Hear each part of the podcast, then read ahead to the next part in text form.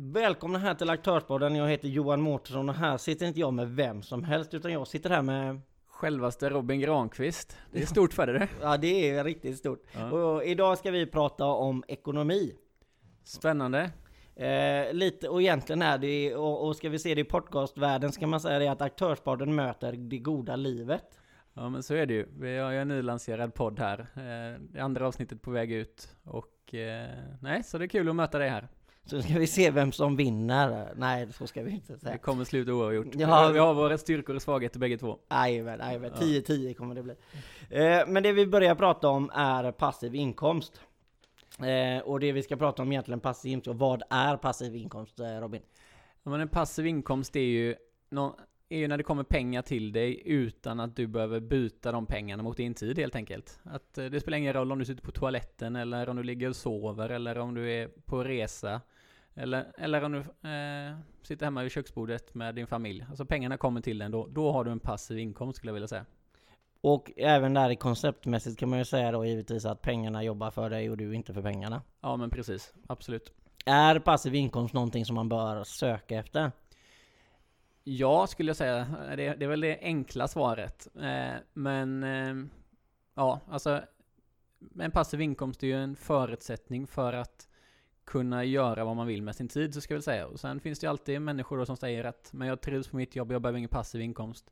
Nej, jag tänker inte argumentera mot de människorna. Eh, men om du vill kunna bestämma om du ska gå i pension när du är 50 eller 55 eller 60 eller om du vill kunna ta din åttonde semestervecka då är en passiv inkomst någonting som du ska sträva mot, absolut.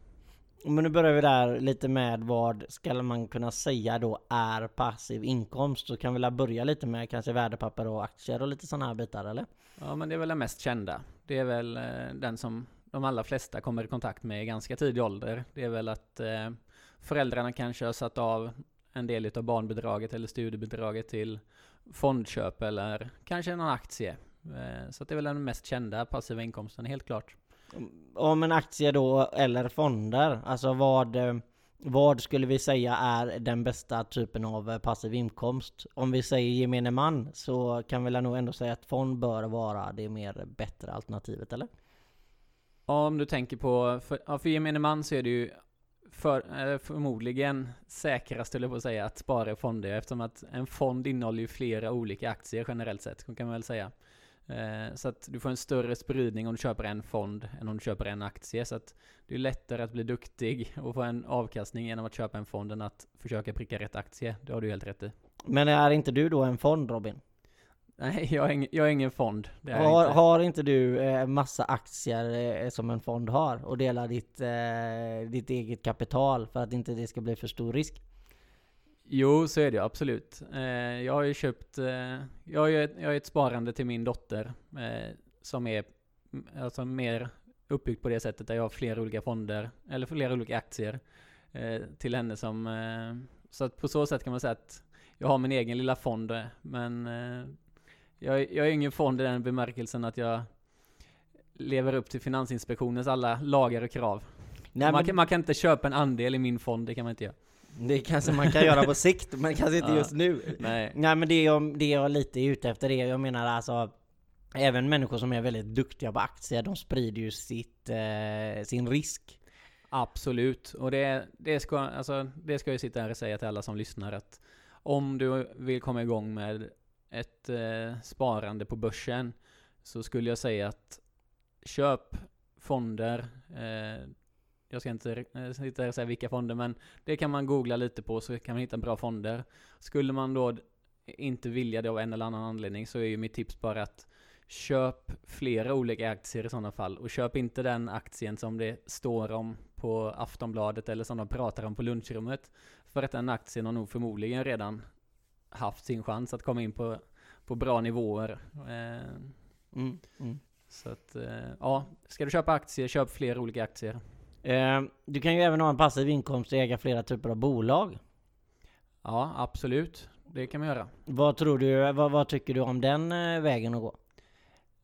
Nej men det tror jag absolut på sikt eh, att man kan göra. Men, eh, men oftast är det lite dyrare att köpa in sig i och bli delägare i flera olika bolag. Man, nu blir man i och för sig delägare om man köper en aktie också, men eh, jag antar att du tänker på ett annat sätt. Jag tänker nog lite mer på att man eh, är kanske lite av mer, mer majoritetsägare än vad man kanske är genom en aktie. Ja, För jag menar, en aktie är ju givetvis ett delägande som du säger, men det är bara att det finns ju ungefär 100 miljoner till delägare håller jag på att säga. Så att, ja men eh, så är det ju. Nej, det, det finns ju olika varianter där. Den, den spontana, det spontana svaret är att det krävs ett större kapital. Eh, några av er som lyssnar kanske känner, en, känner igen namnet Günther Mårder till exempel. Eh, han vet ju jag investerar i mycket småbolag och eh, går in som delägare där. Men han har ju ett kapital. Eh, men det finns ju också olika sajter där man kan gå in via crowdfunding-modell och investera betydligt mindre kapital, kanske om man säger 5000 kronor eller 10 000 kronor i små bolag som behöver det i sin startup-fas. Så att möjligheten finns ju även om man inte har det jättestora kapitalet ska jag tillägga. Okej, men förklara då för folk som, eh, som lyssnar på vad crowdfunding är. Ja men crowdfunding finns ju många olika varianter, många olika branscher. Eh, det kan ju vara alltifrån att eh, ett byggföretag behöver en miljon för att eh, finansiera ett eh, projekt. Och istället för att gå till banken och låna en miljon så eh, finns det olika företag som erbjuder dem att gå till deras plattform och sen så får privatpersoner möjlighet att eller låna ut sina pengar till detta företaget. Eh, så att då kanske det är, ja men om vi tar det enkelt då, så kanske det är tusen människor som eh, lånar ut, nu får jag säga det här rätt här, men tusen kronor var. Ja men det är väl bra. ja, så att man kan eh, vara med på det sättet. Det är crowdfunding och det finns eh, som sagt var företag som gör det. Det finns eh, skogsföretag som eh, gör det. Jag är själv eh, och med. Ja, jag är med i Kenya. Eh, där de planterar träd genom crowdfunding. Där jag köper ett träd för 170 kronor. Eh, det finns plattformar som lånar ut pengar till privatpersoner på samma sätt som de andra företagen gör. Så att det är, en, det är en affärsmodell och ett sätt att finansiera sin verksamhet kan man säga. Ja precis, och där ska vi även tillägga att du kan ju crowdfunda utan att få äga, utan att få någon äganderätt. Utan du får ju givetvis kolla vad det är du lägger in i en crowdfunding. Så ser du bara det ordet så ska du inte bara hoppa på det. Du får gärna... Ordet crowdfunding betyder ju inte att äga ett företag, nej. Nej precis, Nej. nej, men, nej men det är in- ingenting så. Det är bara så att man får koll för, precis som du säger, man håller ut pengar för en äganderätt. Eller det kan man ju göra till exempel som du säger givetvis. Yes. Eh, men om vi säger passiv inkomst i eh, typ konst och eh, vad håller på att säga, eh, tavlor håller jag på att säga. Men Ja. smycken och ja, eh, whisky håller på att säga. Det finns ju ganska många olika varianter man kan eh, äga. Vad, vad tycker du om den biten? Jag har ju inte lyckats få någon passiv inkomst genom konst och min kunskap där i alla fall. Det kan jag inte säga. Eh, Men eh, tänker du på att köpa och sälja konst? Det är precis det jag tänker på. Yes, absolut. Har man en kunskap inom det området så kan man ju självklart eh, hitta konst billigt på ett ställe och sen hitta en marknad och en köpare som vill betala mer. Så visst går det att... Eh, Jo men det är, det är lite, det är ju nästan, alltså jag ser det nästan lite, jag, jag ska inte säga att jag har mycket konst utan jag har kanske en, eh, en, en piece som är eh, av kvalitet. Eh, som jag har införskaffat mig. Och den är ju egentligen, egentligen, det är ju lite som att man hoppas på en avkastning av den här konstnären kommer växa och bli större. Att du köper, vi ska inte säga att det är en nedgång men du, du hoppas på en uppgång lite som en aktie. ja, absolut. Eh, men så så, är det väl. Man kan väl tro att någon konstnär ska bli känd eller att eh, dess eh, målningar ska eh, bli färre och färre så att värdet på dem som finns kvar ökar. Är det så du tänker? Ja men lite så ja, lite, alltså Mona Lisa var inte så himla dyr när den släpptes eller så men den blev väl ganska dyr också längs med tiden när pengar ökade och alltså med inflation och ja det har ju massa grejer att göra givetvis. Absolut, så är det ju. Eh, men att komma till den eh, punkten där man kan, alltså inte, alltså behöver inte leva på sin passiva inkomst men att komma till den punkten där du ändå kan leva en del av din, ditt liv genom din passiva inkomst. Ja. Hur mycket skulle man säga alltså du behöver investera i att komma till den biten? För jag menar, vi pratar ju... Eh, vi- Alltså det är den här härliga 10% som man alltid- pratar om eh, egentligen i alla lägen. eh, Alltså du ska investera och du ska ta 10% och du vill ha 10% avkastning. ja, Och det är de här härliga 10%. Men jag menar, ska du ha 10% avkastning av 100 000 så är det 10 000. Ja, Och det är ju inte speciellt mycket för dig att leva på 10 000 på ett år. absolut inte. Och jag antar att pengarnas värde kommer minska även framöver, så att så är det ju. Jo men precis, men då, då, det, det jag är ute efter är då hur mycket skulle du behöva? Alltså vi pratar ju ändå att om du behöver ju, för att du ska komma till den biten där du kan leva på din, på din eller ha, alltså ha en extra passiv inkomst så att säga. Mm. Då behöver du ändå ha byggt upp ditt eget kapital så att det är minst kanske en halv miljon och en miljon. Ja, alltså den matematiska formen på det hela är, handlar, ju- är ju att din passiva inkomst, alltså den summan pengar du tjänar på att inte jobba, ska ju vara lika stor som dina totala utgifter. Så att du har ju två delar i det. Dels handlar det om, eller tre delar ska jag säga då. Då är det vilken storlek du har på ditt kapital idag, vilken avkastning du kan få på det, samt vilka utgifter du har som de måste täcka. För att för att kunna leva på dina passiva inkomster så räcker det egentligen att eh, dina passiva inkomster är så pass stora så att du kan betala ditt boende, din mat och dina räkningar. Och tycker du att det är ett sätt att leva att inte kunna åka på resor eller inte kunna eh, ha ett gymkort till exempel, ja men då hamnar du på en nivå. Ham, eh, vill du addera saker för att få livskvalitet också så kommer du såklart behöva högre eh, summa i passiva inkomster. Men då, då handlar det ju också om, då, då kan man ju säga precis, att du pratade ju om det här lite förut också, alltså att man behöver lägga, en- alltså, man behöver lägga undan pengar på att säga. Och det är ju där, alltså en passiv inkomst för att komma till den, även om du, eh, vi säger att vi stoppar in eh, 10 000 i aktier, Ja. och så sti- stiger de med 20% så du har 12 000 och det är ju liksom sådär, eller så här, det är ju jättebra ökning. Absolut, det är 20%. Ja precis, det är Ja. grymt bra, men det Jajamän. blir inte så mycket pengar. Nej, det blir det ju absolut inte. Men, Och men du- framförallt inte om du ska ta ut dem och leva på dem. Nej precis, nej. då har du tagit, eh, förvaltat eller Ja. eh, använt 20% av ditt kapital igen. Ja. Precis, men det, det, det, det jag menar är bara att jag tror att mycket av själva inställningen hos människor är att det tar för lång tid till att komma till den punkten och därav så gör man det inte. Nej. Eh, Eller vad, vad tror du? För att jag menar om jag... Alltså, jo men jag, jag har ju haft den diskussionen med min eh, sambo, nu hänger jag ut det Marie, men det får du ta. Eh, hon har ju verkligen haft jättesvårt att ta till sig det när jag har sagt det att med tiden så kommer vi inte behöva jobba om vi inte vill. Eh, och eh, hon har haft jättesvårt för att ingen annan som hon känner lever ju livet på det sättet. Eh, så att jag tror att absolut att människor har svårt att ta till sig det, men om man bara tar exemplet här nu med tanke på hur bostadspriserna har gått de senaste 20-25 åren så vet jag ju att det finns väldigt många i min omgivning som om de bara sålde sin eh, villa för att flytta in i en hyreslägenhet så skulle de kunna leva på sina passiva inkomster för då skulle de ha både 3 och 4 och 5 miljoner kronor. Eh, och eh, med de pengarna så kan man absolut få en avkastning som på ett förhållandevis tryggt sätt gör att man kan leva på sin, eh, sina passiva inkomster. Jo men det- är absolut, jag menar säljer du din villa och sätter dig i en lägenhet, absolut. Det, det är ett jättebra koncept och det är nog inte många som egentligen, det är, för många är det nog säkert helt mindblowing att tänka på det sättet överhuvudtaget för man har inte tänkt på det tidigare. Nej. Men eh, det, jag tänker är att om, om vi tar liksom den här, eh, vi säger så att du börjar från scratch liksom. Du har Ja. ingenting, du har inte den här villan liksom. Nej. Eller den här lägenheten i Göteborg. Nej, men då handlar det om att ändra ett beteende. Då handlar det om att gå från att vara konsument till att bli ägare. Du, du ska sluta konsumera dina pengar och köpa saker som ger dig pengar. Eh, till exempel eh, fonder, aktier, låna ut pengar, agera bank. Bankerna har varit ganska lönsamma de senaste hundra åren och de har ju blivit det genom att de lånar ut pengar. Varför ska inte du kunna låna ut pengar? Eh, eller köpa Ja, men Ja. Köp, köp, köpa en, ett attefallshus och ställa på din tomt för att kunna hyra ut det.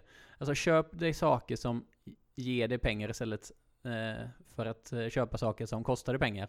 Och det är självklart upp till var och en hur mycket man har möjlighet, men jag tror att alla människor har möjligheten om man ser över sina utgifter så kan man komma igång. Och du har varit inne på det att ehm, en grundregel som många pratar om är 10% av din inkomst, nettoinkomst. Eh, kan du inte det så är 5% bättre än ingenting. kan du, kan du avsätta 15% så är det bättre än 10%, självklart. Men att börja se över sina utgifter och att börja spara, det är det som är nyckeln. Och då kan man väl ha 10% som en tumregel, absolut.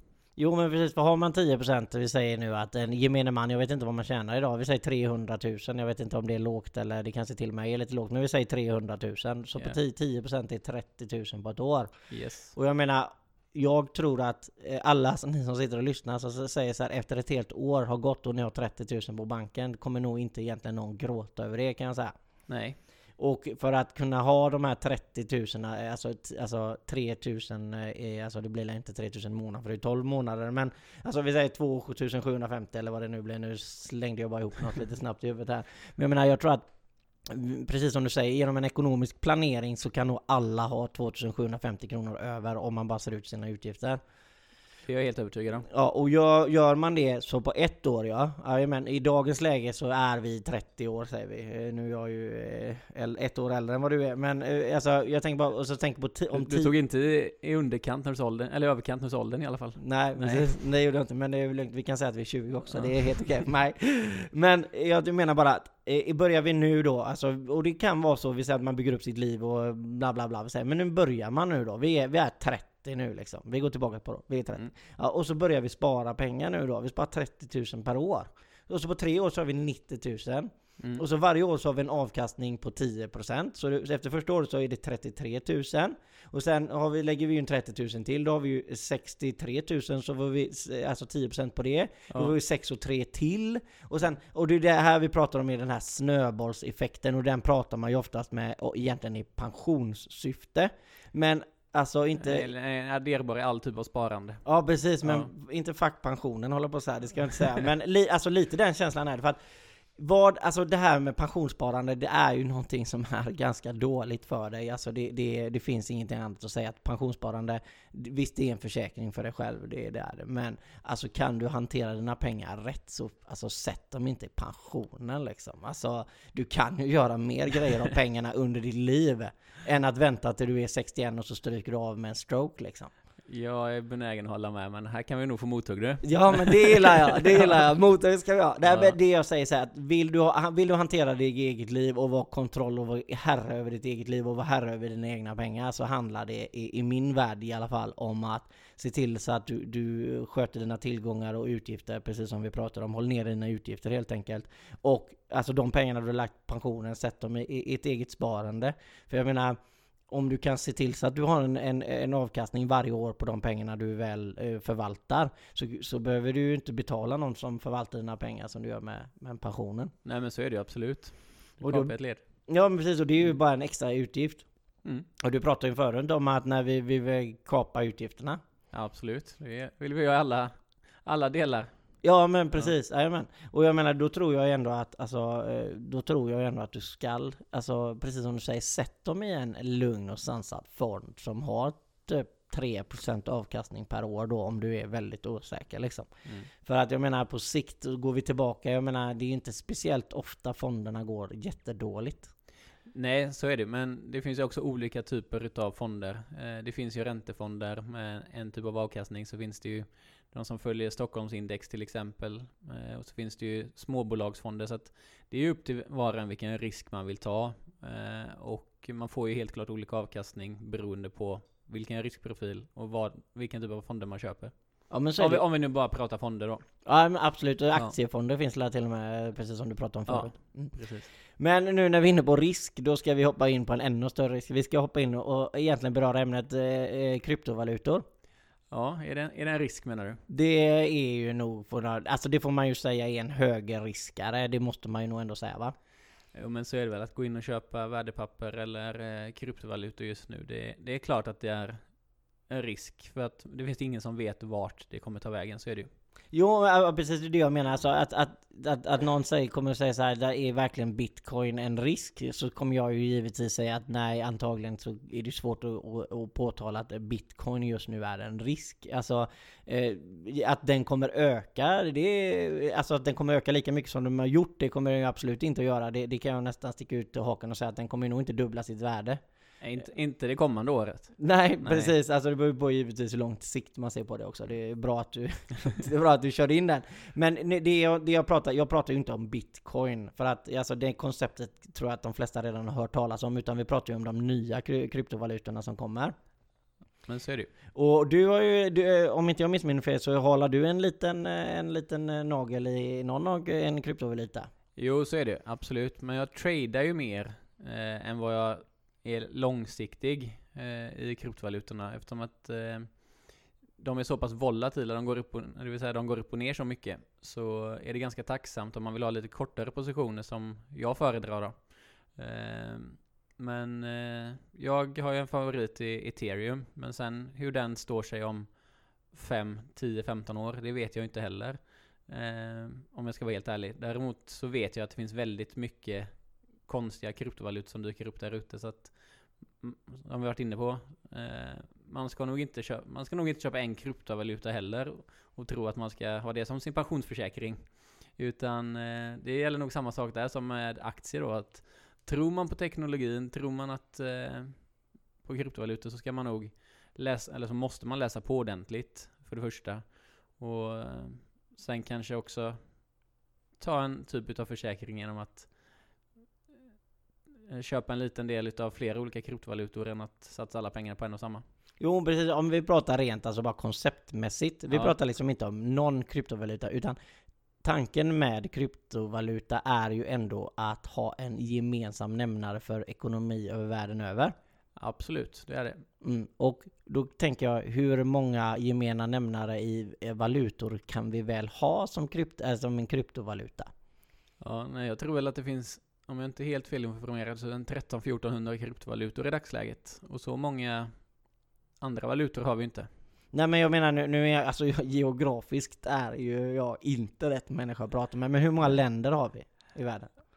Ja, färre än 1400 i alla fall. Ja okej, Ja. bara- bara- där, okej, där, där, okej, du var ju lika dålig som jag, säga. Ja, Men då, är, då känner jag så här att skall, bara utan egentligen, alltså jag är ingen stjärna på kryptovalutor på något sätt, utan jag pratar mer konceptmässigt. Och konceptmässigt så säger jag att 1400 kryptovalutor kan inte finnas för om vi ska ha en gemensam nämnare i, i ett par, eh, par liksom, eh, kryptovalutor över världen. jag är benägen att hålla med. Jag tror att 90-95% kommer att fallera och skita sig fullständigt. Ja precis, och sen kan man ju, alltså sen att det finns en marknad för kryptovalutor, alltså vi, vi snackar ju bara liksom, bara för att ni ska förstå lyssnare, så, så om jag är en industri som omsätter 10 miljarder och jag köper grejer av massa olika länder, då måste jag bry mig om växelkursen hela tiden när jag ska göra mina inköp. Men gör jag det med en kryptovaluta så behöver jag aldrig bry mig, utan det är samma värde hela tiden. Eller att, ja, alltså konceptmässigt, den kan ju gå upp och ner också givetvis, men den går ju inte upp och ner mot den jag köper av eller säljer till. Nej. Och, och det är där, där är ju den styrkan med en kryptovaluta eftersom banker, regeringar, ingen annan har någonting att göra med valutan utan de kan inte påverka den. Nej men så är det ju, än så länge. Än så länge, ja men givetvis, men nu, nu pratar vi ändå Ja. liksom konceptmässigt just nu. Ja. Sen kan ju det få en eh, absolut en påverkan eh, längre fram. Ja. Eh, och sen ska inte jag säga att jag kan eh, skattetekniska reglerna angående kryptovalutor om du handlar med det. Men det, det är nog någon annan som är duktigare på det, kanske inte jag. Jag vet inte om du är det Robin? Nej men jag tänkte uppmana lyssnarna om det är någon som eh, kan hjälpa, hjälpa dig med det då. Det, alltså kan du hjälpa mig med det så Ja. hör av dig till mig så ska vi ha ett bra snack du och jag, så kan jag säga. Ja. Eh, nej men om vi snackar i alla fall kunskap och erfarenhet, om vi hoppar lite totalt från kryptovalutor så går vi över på aktiemarknaden igen. Ja. Vad är det liksom den här, man- jag vet inte men, men pratar man egentligen med folk som håller på med aktier så snackar man ju om, om kunskap och man snackar om erfarenhet. Och man snackar egentligen om eh, amerikanskt, det är ju det tells så att säga. Vi hade ju en liten fördiskussion om detta tidigare så att jag, så att jag skulle, ja, så att du skulle få begreppet tells och inte jag bara slänger det i ansiktet på dig. Eh, och det, och det vad, vad menar jag med det? Ja men att se olika indikatorer eller varför man ska investera i en viss aktie, så uppfattade jag dig. Det tyckte jag att du var ett väldigt bra förklaring, var bra att du gjorde det, det jag. Ja. Eh, och det menar jag ju att när du går in och kollar på en aktie, vi säger att du lär en aktie, Ja. Robin Granqvists aktie finns. Det är Jajamän. hans nya fond så att han har massa där. Köp den. Nej, jag håller på. Men då ser, vi, ser du en uppgång och nedgång. Alltså på den, på, vi, säger, på, vi säger att du drar ut den på tre år. Bara för att kolla upp och ner. Då ser du vad den har varit värd under vissa tillfällen. eh, Till exempel så här va. Och så ser du vad den är värd just nu. Ja. Och om du då kan det här bolaget eller den här liksom, det här du delägandet du ska väl köpa dig. Då ser ju du det och så ser du att ja men det har varit högre, tidigare. Nu har det gått ner lite. Och du tror på bolaget, du har, du har gjort en bra, eh, alltså du har en kunskap i om det bolaget. Det är det vi pratar om, kunskap. Och sen erfarenheten och titta hur det har gått. Och på det sättet göra dig en magkänsla av att det här kommer antagligen stiga. Mm. Det tycker jag, alltså du ska hitta strukturer och mallar, du ska hitta, eh, alltså på något sätt, och det det här är ju ingenting som är vetenskapligt säga att det här, så här funkar det och det här kommer funka. Absolut inte, det kan lika gärna rasa. Men det är det jag menar, det där tror jag att man ska, om man ska väl börja med aktier, det börjar väldigt lite eh, pengar givetvis, utan testa det fram lite. Och så går du in och så gör du så att du går in och tittar lite erfarenhetsmässigt, du kollar på ett företag som du tror utvecklingsmässigt är bra. Du kollar när de har gått ner lite. Och så känner du att här kan jag sätta in pengar så ser jag om det här, på, om det här sättet funkar till exempel. Det kan ju vara ett sätt att approacha aktiemarknaden. Ja, um, absolut. Um, jag, jag kan bara dela med mig av mina misstag och min resa lite grann. För att jag tror att den är signifikativ med ganska många andras. Det var ju när man blev 18-20 år och fick sin första lön och tänkte att eh, nu ska vi börja spara i aktier. Eh, och det första jag gjorde, det var väl att kolla på de bolagen som hade gått ner 80-90%. Eh, för då såg man ju att shit, de behöver ju bara gå upp till eh, sin tidigare topp. Eller de behöver, ja, de behöver inte ens vara i närheten av sin tidigare topp för att jag ska dubbla mina pengar liksom. Eh, och jag tror att det är ganska vanligt förekommande att man tittar på saker som har gått ner och tänker att det där måste, kommer gå upp igen. Men det, är, ju- det vill jag bara säga att det är långt ifrån sanningen. Men du la in andra viktiga parametrar där också. Eh, att man har gjort en analys av bolaget och tro på affärsidén, tro på människorna som jobbar där. Då är det absolut ett sätt man kan investera på. Men man ska passa sig för att bara köpa saker som har gått ner för man tror att de ska gå upp igen. Då skulle jag nästan säga att det är, tyvärr eh, allt som oftast är bättre att köpa saker som redan gått upp för de kommer nog fortsätta upp. Om man ska generalisera.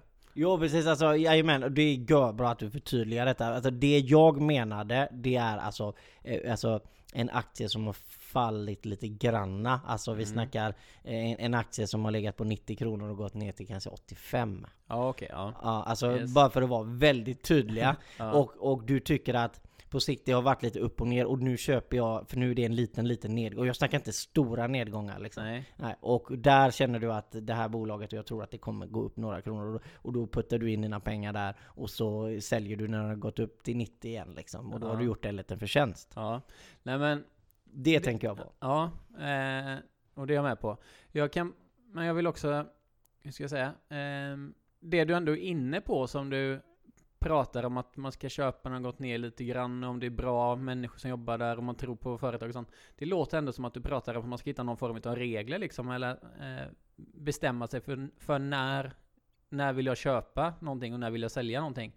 Och jag tror att det är det viktigaste. Sen finns det människor som läser varenda bokslutsrapport och som eh, intervjuar vdn och som är med på bolagsstämmor och allt möjligt för att bilda sig en uppfattning om hur företagen mår och fungerar.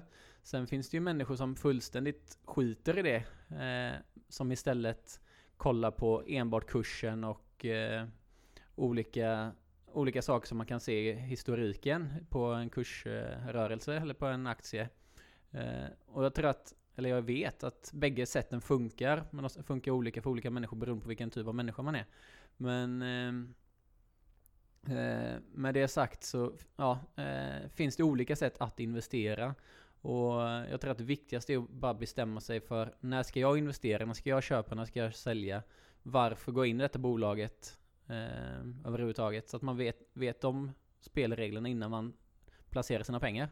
Jo men så, så är, jo men det är gör och det är precis, du pratar ju konceptmässigt också hur man är som människa, vad man är. Är du en, en långsiktig typ av människa eller vill du göra saker och ting lite mer impulsivt och kortsiktigt? Eller vill du äh, investera i ett bolag för att du vill ha ett ägande under en väldigt, väldigt lång sikt. Och då, då kanske du tycker jag det är bra att vara med på bolagsstämmor och du vet verkligen veta hur, vad kommer det här bolaget vara om fem år? Liksom, tror jag på det här bolaget om fem år och du vill ha dina pengar där i fem år, då snackar vi då är det ju bra att ha liksom, information om allting. Ja, men absolut. Och vill du liksom göra dig en förtjänst på en liten kortare sikt kanske, då kanske det inte är lika viktigt, utan du tror, då kan du kanske försöka hitta lite parametrar och, och ändå givetvis kunskapen. Men alltså det finns ju ingen, det finns ju inga garantier överhuvudtaget och jag säger ju inte någonting för att jag är någon, eh, eh någon stjärna överhuvudtaget, utan jag meddelar ju egentligen bara hur jag gör. Ja men så är det. Men eh, om man bara tar en, eh, ett hypat företag och en teknologi som de flesta eh, tror kommer eh, vara framgångsrik framöver så är det ju Fingerprint, alltså med eh, eh sensor, alltså där du kan, eh, finger, fingeravläsare och jag tror till och med att de har börjat med ögon ögonscanning nu också, eller så har det bara varit prat om det men det företaget gick ju som tåget under eh, 2015-2016. Eh, och har fullständigt havererat och kursen har väl gått ner från eh, ja, en bra bit över 100 ner till runt 20 kronor nu liksom. Jo men jag, jag, jag tror ju på, Trots ja. att de allra flesta är överens om att teknologin är hållbar Eh, och att eh, är framtiden så har ju kursen och det företaget gått så så att det är inte säkert att varje bolag i den branschen man tror eh, man tror på kommer vara vinnare heller. Jag, jag tror ju, alltså nu sticker jag ut hakan och säger jag tror det här är totalt orelevant för mig. Alltså jag tycker det är så himla, det här är en överbliven teknologi som inte behövs. Ja okej, okay, ja. ja alltså, alltså vi snackar givetvis att det finns användningsområden i yrkeslivet i vissa företag till exempel. Ja. Vi kan snacka läkare och grejer, att de kanske har en görbra grej när de står och håller på, håller på och, och behöver på något sätt kunna kommunicera ut vad de behöver till maskiner med vissa rörelser och sånt där. Det tror jag är skitbra kanske för industrin och sånt. Men alltså för gemene man, alltså jag tror att touchscreenen räcker bra. Men okej, okay, det här är vad jag tycker givetvis. ja, absolut. Det är din åsikt. Det är min åsikt. Jag tror att, men det, det är också någonting som är väldigt relevant i just i ekonomisyfte att du måste, man får lära sig ganska snabbt i just med sparande att du oftast har fel. Eh, och, och, med det menar jag ju precis som du säger att du pratar om det här att jag har varit med om motgångar och jag har fått lära mig detta och detta. Ja, precis. Det är bara för att när man väl går in med en inställning att antagligen har jag, det här så här måste det vara. Mm. Ja, och då visar sig ganska fort att det är inte riktigt som jag tror att det måste vara. Att, att lägga egot och eh, åt sidan, det är en grundförutsättning när du ska investera pengar, det kan jag säga. Du måste inse att du har fel och kunna, kunna acceptera det ibland. Det är någonting som jag har fått lära mig den hårda vägen. Alltså mm. jag, jag, ska bara, eh, när vi drog, alltså drog igång nu den här, en webbverksamhet till exempel, ska jag sälja lite grejer så här. Och jag var helt under, du vet, kaxig som få. Så det här kommer sälja så in i bänken. Mm. Jag menar ett år senare, vi har inte sålt en enda av de här grejerna. alltså vi kanske har sålt tiotal. Alltså, ja. det, vi har sålt allt annat. Jag, alltså det jag förespråk att marknaden skulle vilja ha, ja. har slått totalt helt fel. Ja.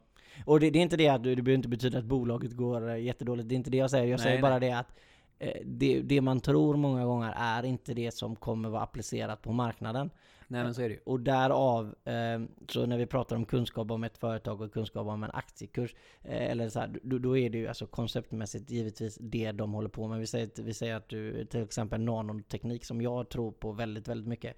Eh, just att om du tror på det allmänna konceptet i sig, alltså du kanske inte ens behöver tro på alla bolag just det, men tror du på den, precis som du säger med Fingerprint, det finns hundra olika bolag som håller på med det kan jag tänka mig på aktiekursen. Det tror jag absolut. Ja precis, om du tror, det var ett jättebra exempel också, alltså om du tror på det konceptet och sen när du tror på det konceptet, då hittar du ett bolag som du tror på och där då investerar lite. Och börjar med en, liksom, ja, men börjar med en 500-lapp liksom. Och börjar mm. titta och så kör du så ser du procentuellt om det går upp. Jag menar det är ju en sak, eh, du, när du inte satsar så mycket så är det kanske inte så farligt att förlora ett par hundralappar liksom och börja lära dig lite.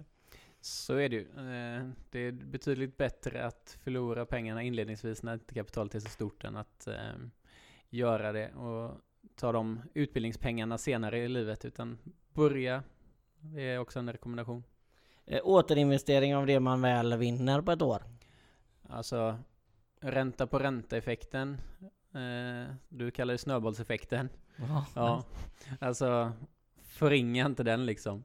Se, slå på, eh, slå på miniräknare på att säga googla ränta på ränta så kan du fylla i eh, en eh, Excel-fil där liksom. Där du ser vad avkastningen gör över tid. Ehm, och var långsiktig och återinvestera. För det kommer ge dig betydligt större avkastning. Eh, betydligt snabbare än om du ska ta ut av, avkastningen och spendera den i baren eller åka till eh, Kreta för den.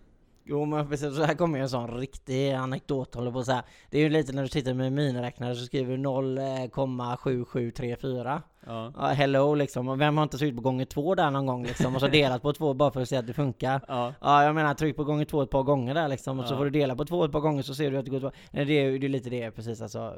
Fördubblar du dina pengar så, så blir de ju, det blir ju bara mer och mer och mer och mer. Ja men så är det ju. Nu sticker jag ut nu uttalar man något jag inte har järnkoll på, men jag tror att det är så. Har du 8%, pro- eh, 8% i avkastning så är det väl, har du dubblat pengarna på 10 år. Om du har 8% avkastning per år så har du dubblat pengarna på 10 år. Då Mm. räknar du snabbt och tänker, men det är bara 80%. Jo men just med tanke på att ränta på ränta-effekten gör att du får mer gånger 8 för varje år, så blir det faktiskt så. Mm, alltså det, Ja. det har jag ingen aning men det låter ganska vettigt faktiskt. Eh, inte för att jag är världssnabb på matte. Men eh. Eh, om vi säger nu, vi har pratat om det tidigare, vi pratade om de här 10% på lönen. Eh, du sa även att 5% är bättre än eh, 0% håller på att säga. Och det är ju, och det Håller ju, du med om det eller? Ja, alltså jag, jag får nog ändå säga att 5% är bättre än 0%. Ja, eh, även om det bara är 5 kronor så att säga. Ja. Det som, det som är viktigt att tänka på bör, bör det du, när du väl ska investera, även om det är 5% det är ju den här kortegeavgiften som är eh, 100 kronor nästan va? Eh, ja, kort- kortege sker ju på Avenyn på valborg. Aha, Men okej. ko- Courtage finns ju något på aktiemarknaden. Tack, tack, tack. Varsågod. Jag kunde inte hålla mig. Nej, det är helt rätt. Ja, ehm, courtageavgift ja, eh, finns ju när man köper eh, aktier, eh, inte på fonder. Men eh, om du köper aktier så var det en courtageavgift. Eh, men eh, på Avanza och Nordnet, jag ska inte rekommendera varken den ena eller andra, men det är väl Sveriges två billigaste banker för eh, aktier, eh, aktieköp. Eh, så kan du komma ner, jag tror det är till 19 kronor eh, om du väljer rätt rätt val beroende på vilken typ av sparare du är. Men så att 100 kronor är det inte riktigt längre. Eller du kan ha 100 kronor också om du inte väljer rätt. Men annars kan du komma ner till 19 kronor. Mm, och då, och jag vill bara säga det, nu sa jag Avanza och Nordnet och det finns säkert några fler också. Men det, det du ska kanske hålla dig borta från generellt sett om du ska göra, eh, spara på börsen så är det väl storbankerna. Jo, jag tror att det kostar 100 kronor på eh, Swedbank tror jag. Ja, yes. Ja, så alltså, och, och rättare sagt ska du, ska du spara i de stora bankerna och det kan du absolut göra. Då handlar det om egentligen om att då ska du inte flytta dina pengar så ofta. Jo. Eh, men vi pratade lite om bostadsbranschen eh, förut. Eh, Mm. vi, det har ju varit, alltså om vi ser till, eh, vad heter det, historien så har det ju varit sjuka uppgångar i bostadsbranschen. Och jag vet inte, hur många år har inte folk pratat bara om det, bara köp, köp, köp, köp, köp, köp, köp, du kommer göra så mycket pengar. Och det har, så har det ju varit. Absolut, så är det ju. Det är för vår generation då, 20 plus där, så är det den bästa investeringen man kunnat göra, sägs det ju. Jo men jag menar, alltså, och, och det stämmer ju. Jag menar om du, alltså har du köpt en lägenhet, alltså nu går vi tillbaka många år. Jag vet inte när jag köpte lägenheten 2008. Nu, jag bor i villa nu då, men Ja. då köpte jag en lägenhet för 800 000. Och kanske fem år senare så sålde jag den för 1,4 miljoner. Mm. Och då har jag en, alltså det är 600 000. Det, det är ju, ja, är det 80% eller vi drar till med Ja. någonting någonstans där i närheten i alla fall. Och då alltså 80% på fem år. Alltså då snackar du ju mer än 8% per år. Alltså du snackar ju ganska många procent per år i avkastning som du har fått i en pass. Det är en passiv, det är den passiva vi pratar om. Precis. Ja, men då köper du ju, då köper du ju tyvärr i det läget någonting som är ännu dyrare så du sätter du ju inte i någon ekonomisk eh, tillväxt då ändå eftersom, men, men hur, förutom egentligen prata om det, nu hoppade jag över här helt fel egentligen. Men det, det vi ska prata om är bostadsbranschen i allmänt. Vad, vad känner du att, eh, nu har den nu stannat av ganska rejält, till och med backat lite? Ja, nej men alltså de stora bidragande orsakerna till att priserna går upp Eh, och gått upp de senaste åren, det är ju helt enkelt att bankerna var ganska givmilda med att låna ut pengar. Eh, samtidigt som det har varit billigt att låna pengar. Eh, och eh, ja, men det är väl i stora drag det, att det har varit så enkelt att låna pengar att det har varit billigt. Men alltså i dagens läge så nu med nya amorteringskraven eh, och vad är det du över? Är det över 4,5 gånger eh, brutto eller? eller ja, det? ja men precis, då måste du amortera lite mer. Tre, över, det är 3 procent va? Ja, och så annars är det precis. 2 va? Eller Ja. något sånt där va? Ja, jag ska inte ja, svära i kyrkan håller på så här. Men Men, eh, det stämmer det. Ja, eh, Eh, och nu med de nya amorteringskraven så betyder det att bostadsmarknaden har stannat in och det har ju givetvis att göra med amorteringskraven. Det kan man ju inte säga något annat om. Eh, Alltså hur mycket de har stannat på grund av det och hur mycket de har stannat av externa saker, det är ju en annan sak, men den har ju stannat.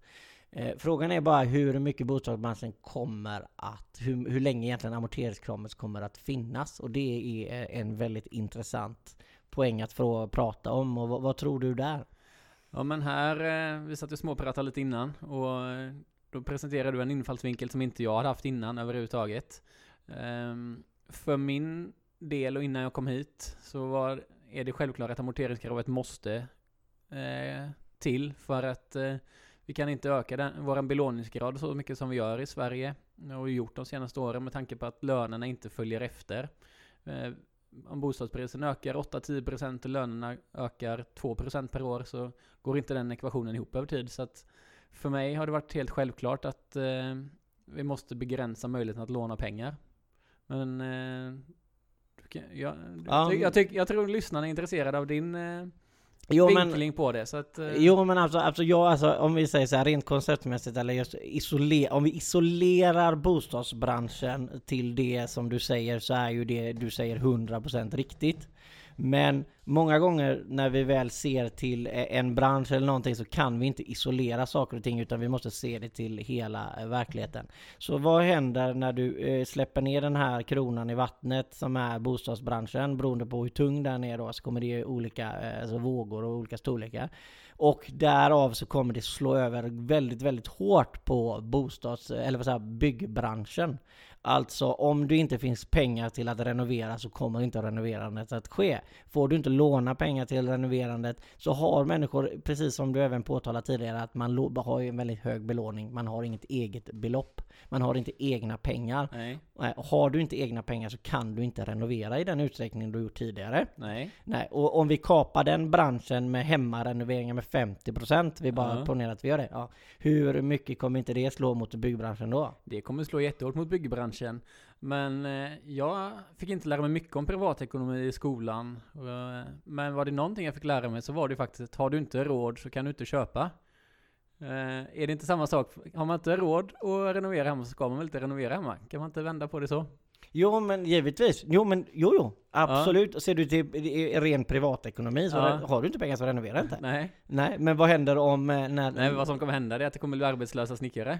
Precis. Ja. Ja. precis, och det kommer ju fortfarande, och, och, om, om, om byggföretag eller, nu snackar vi om mindre karaktären här. Alltså, I dagens läge så har vi väldigt, väldigt mycket mindre företagare i, i hantverkssektorn. Ja. Och om de går omkull och eh, de försvinner, Ja.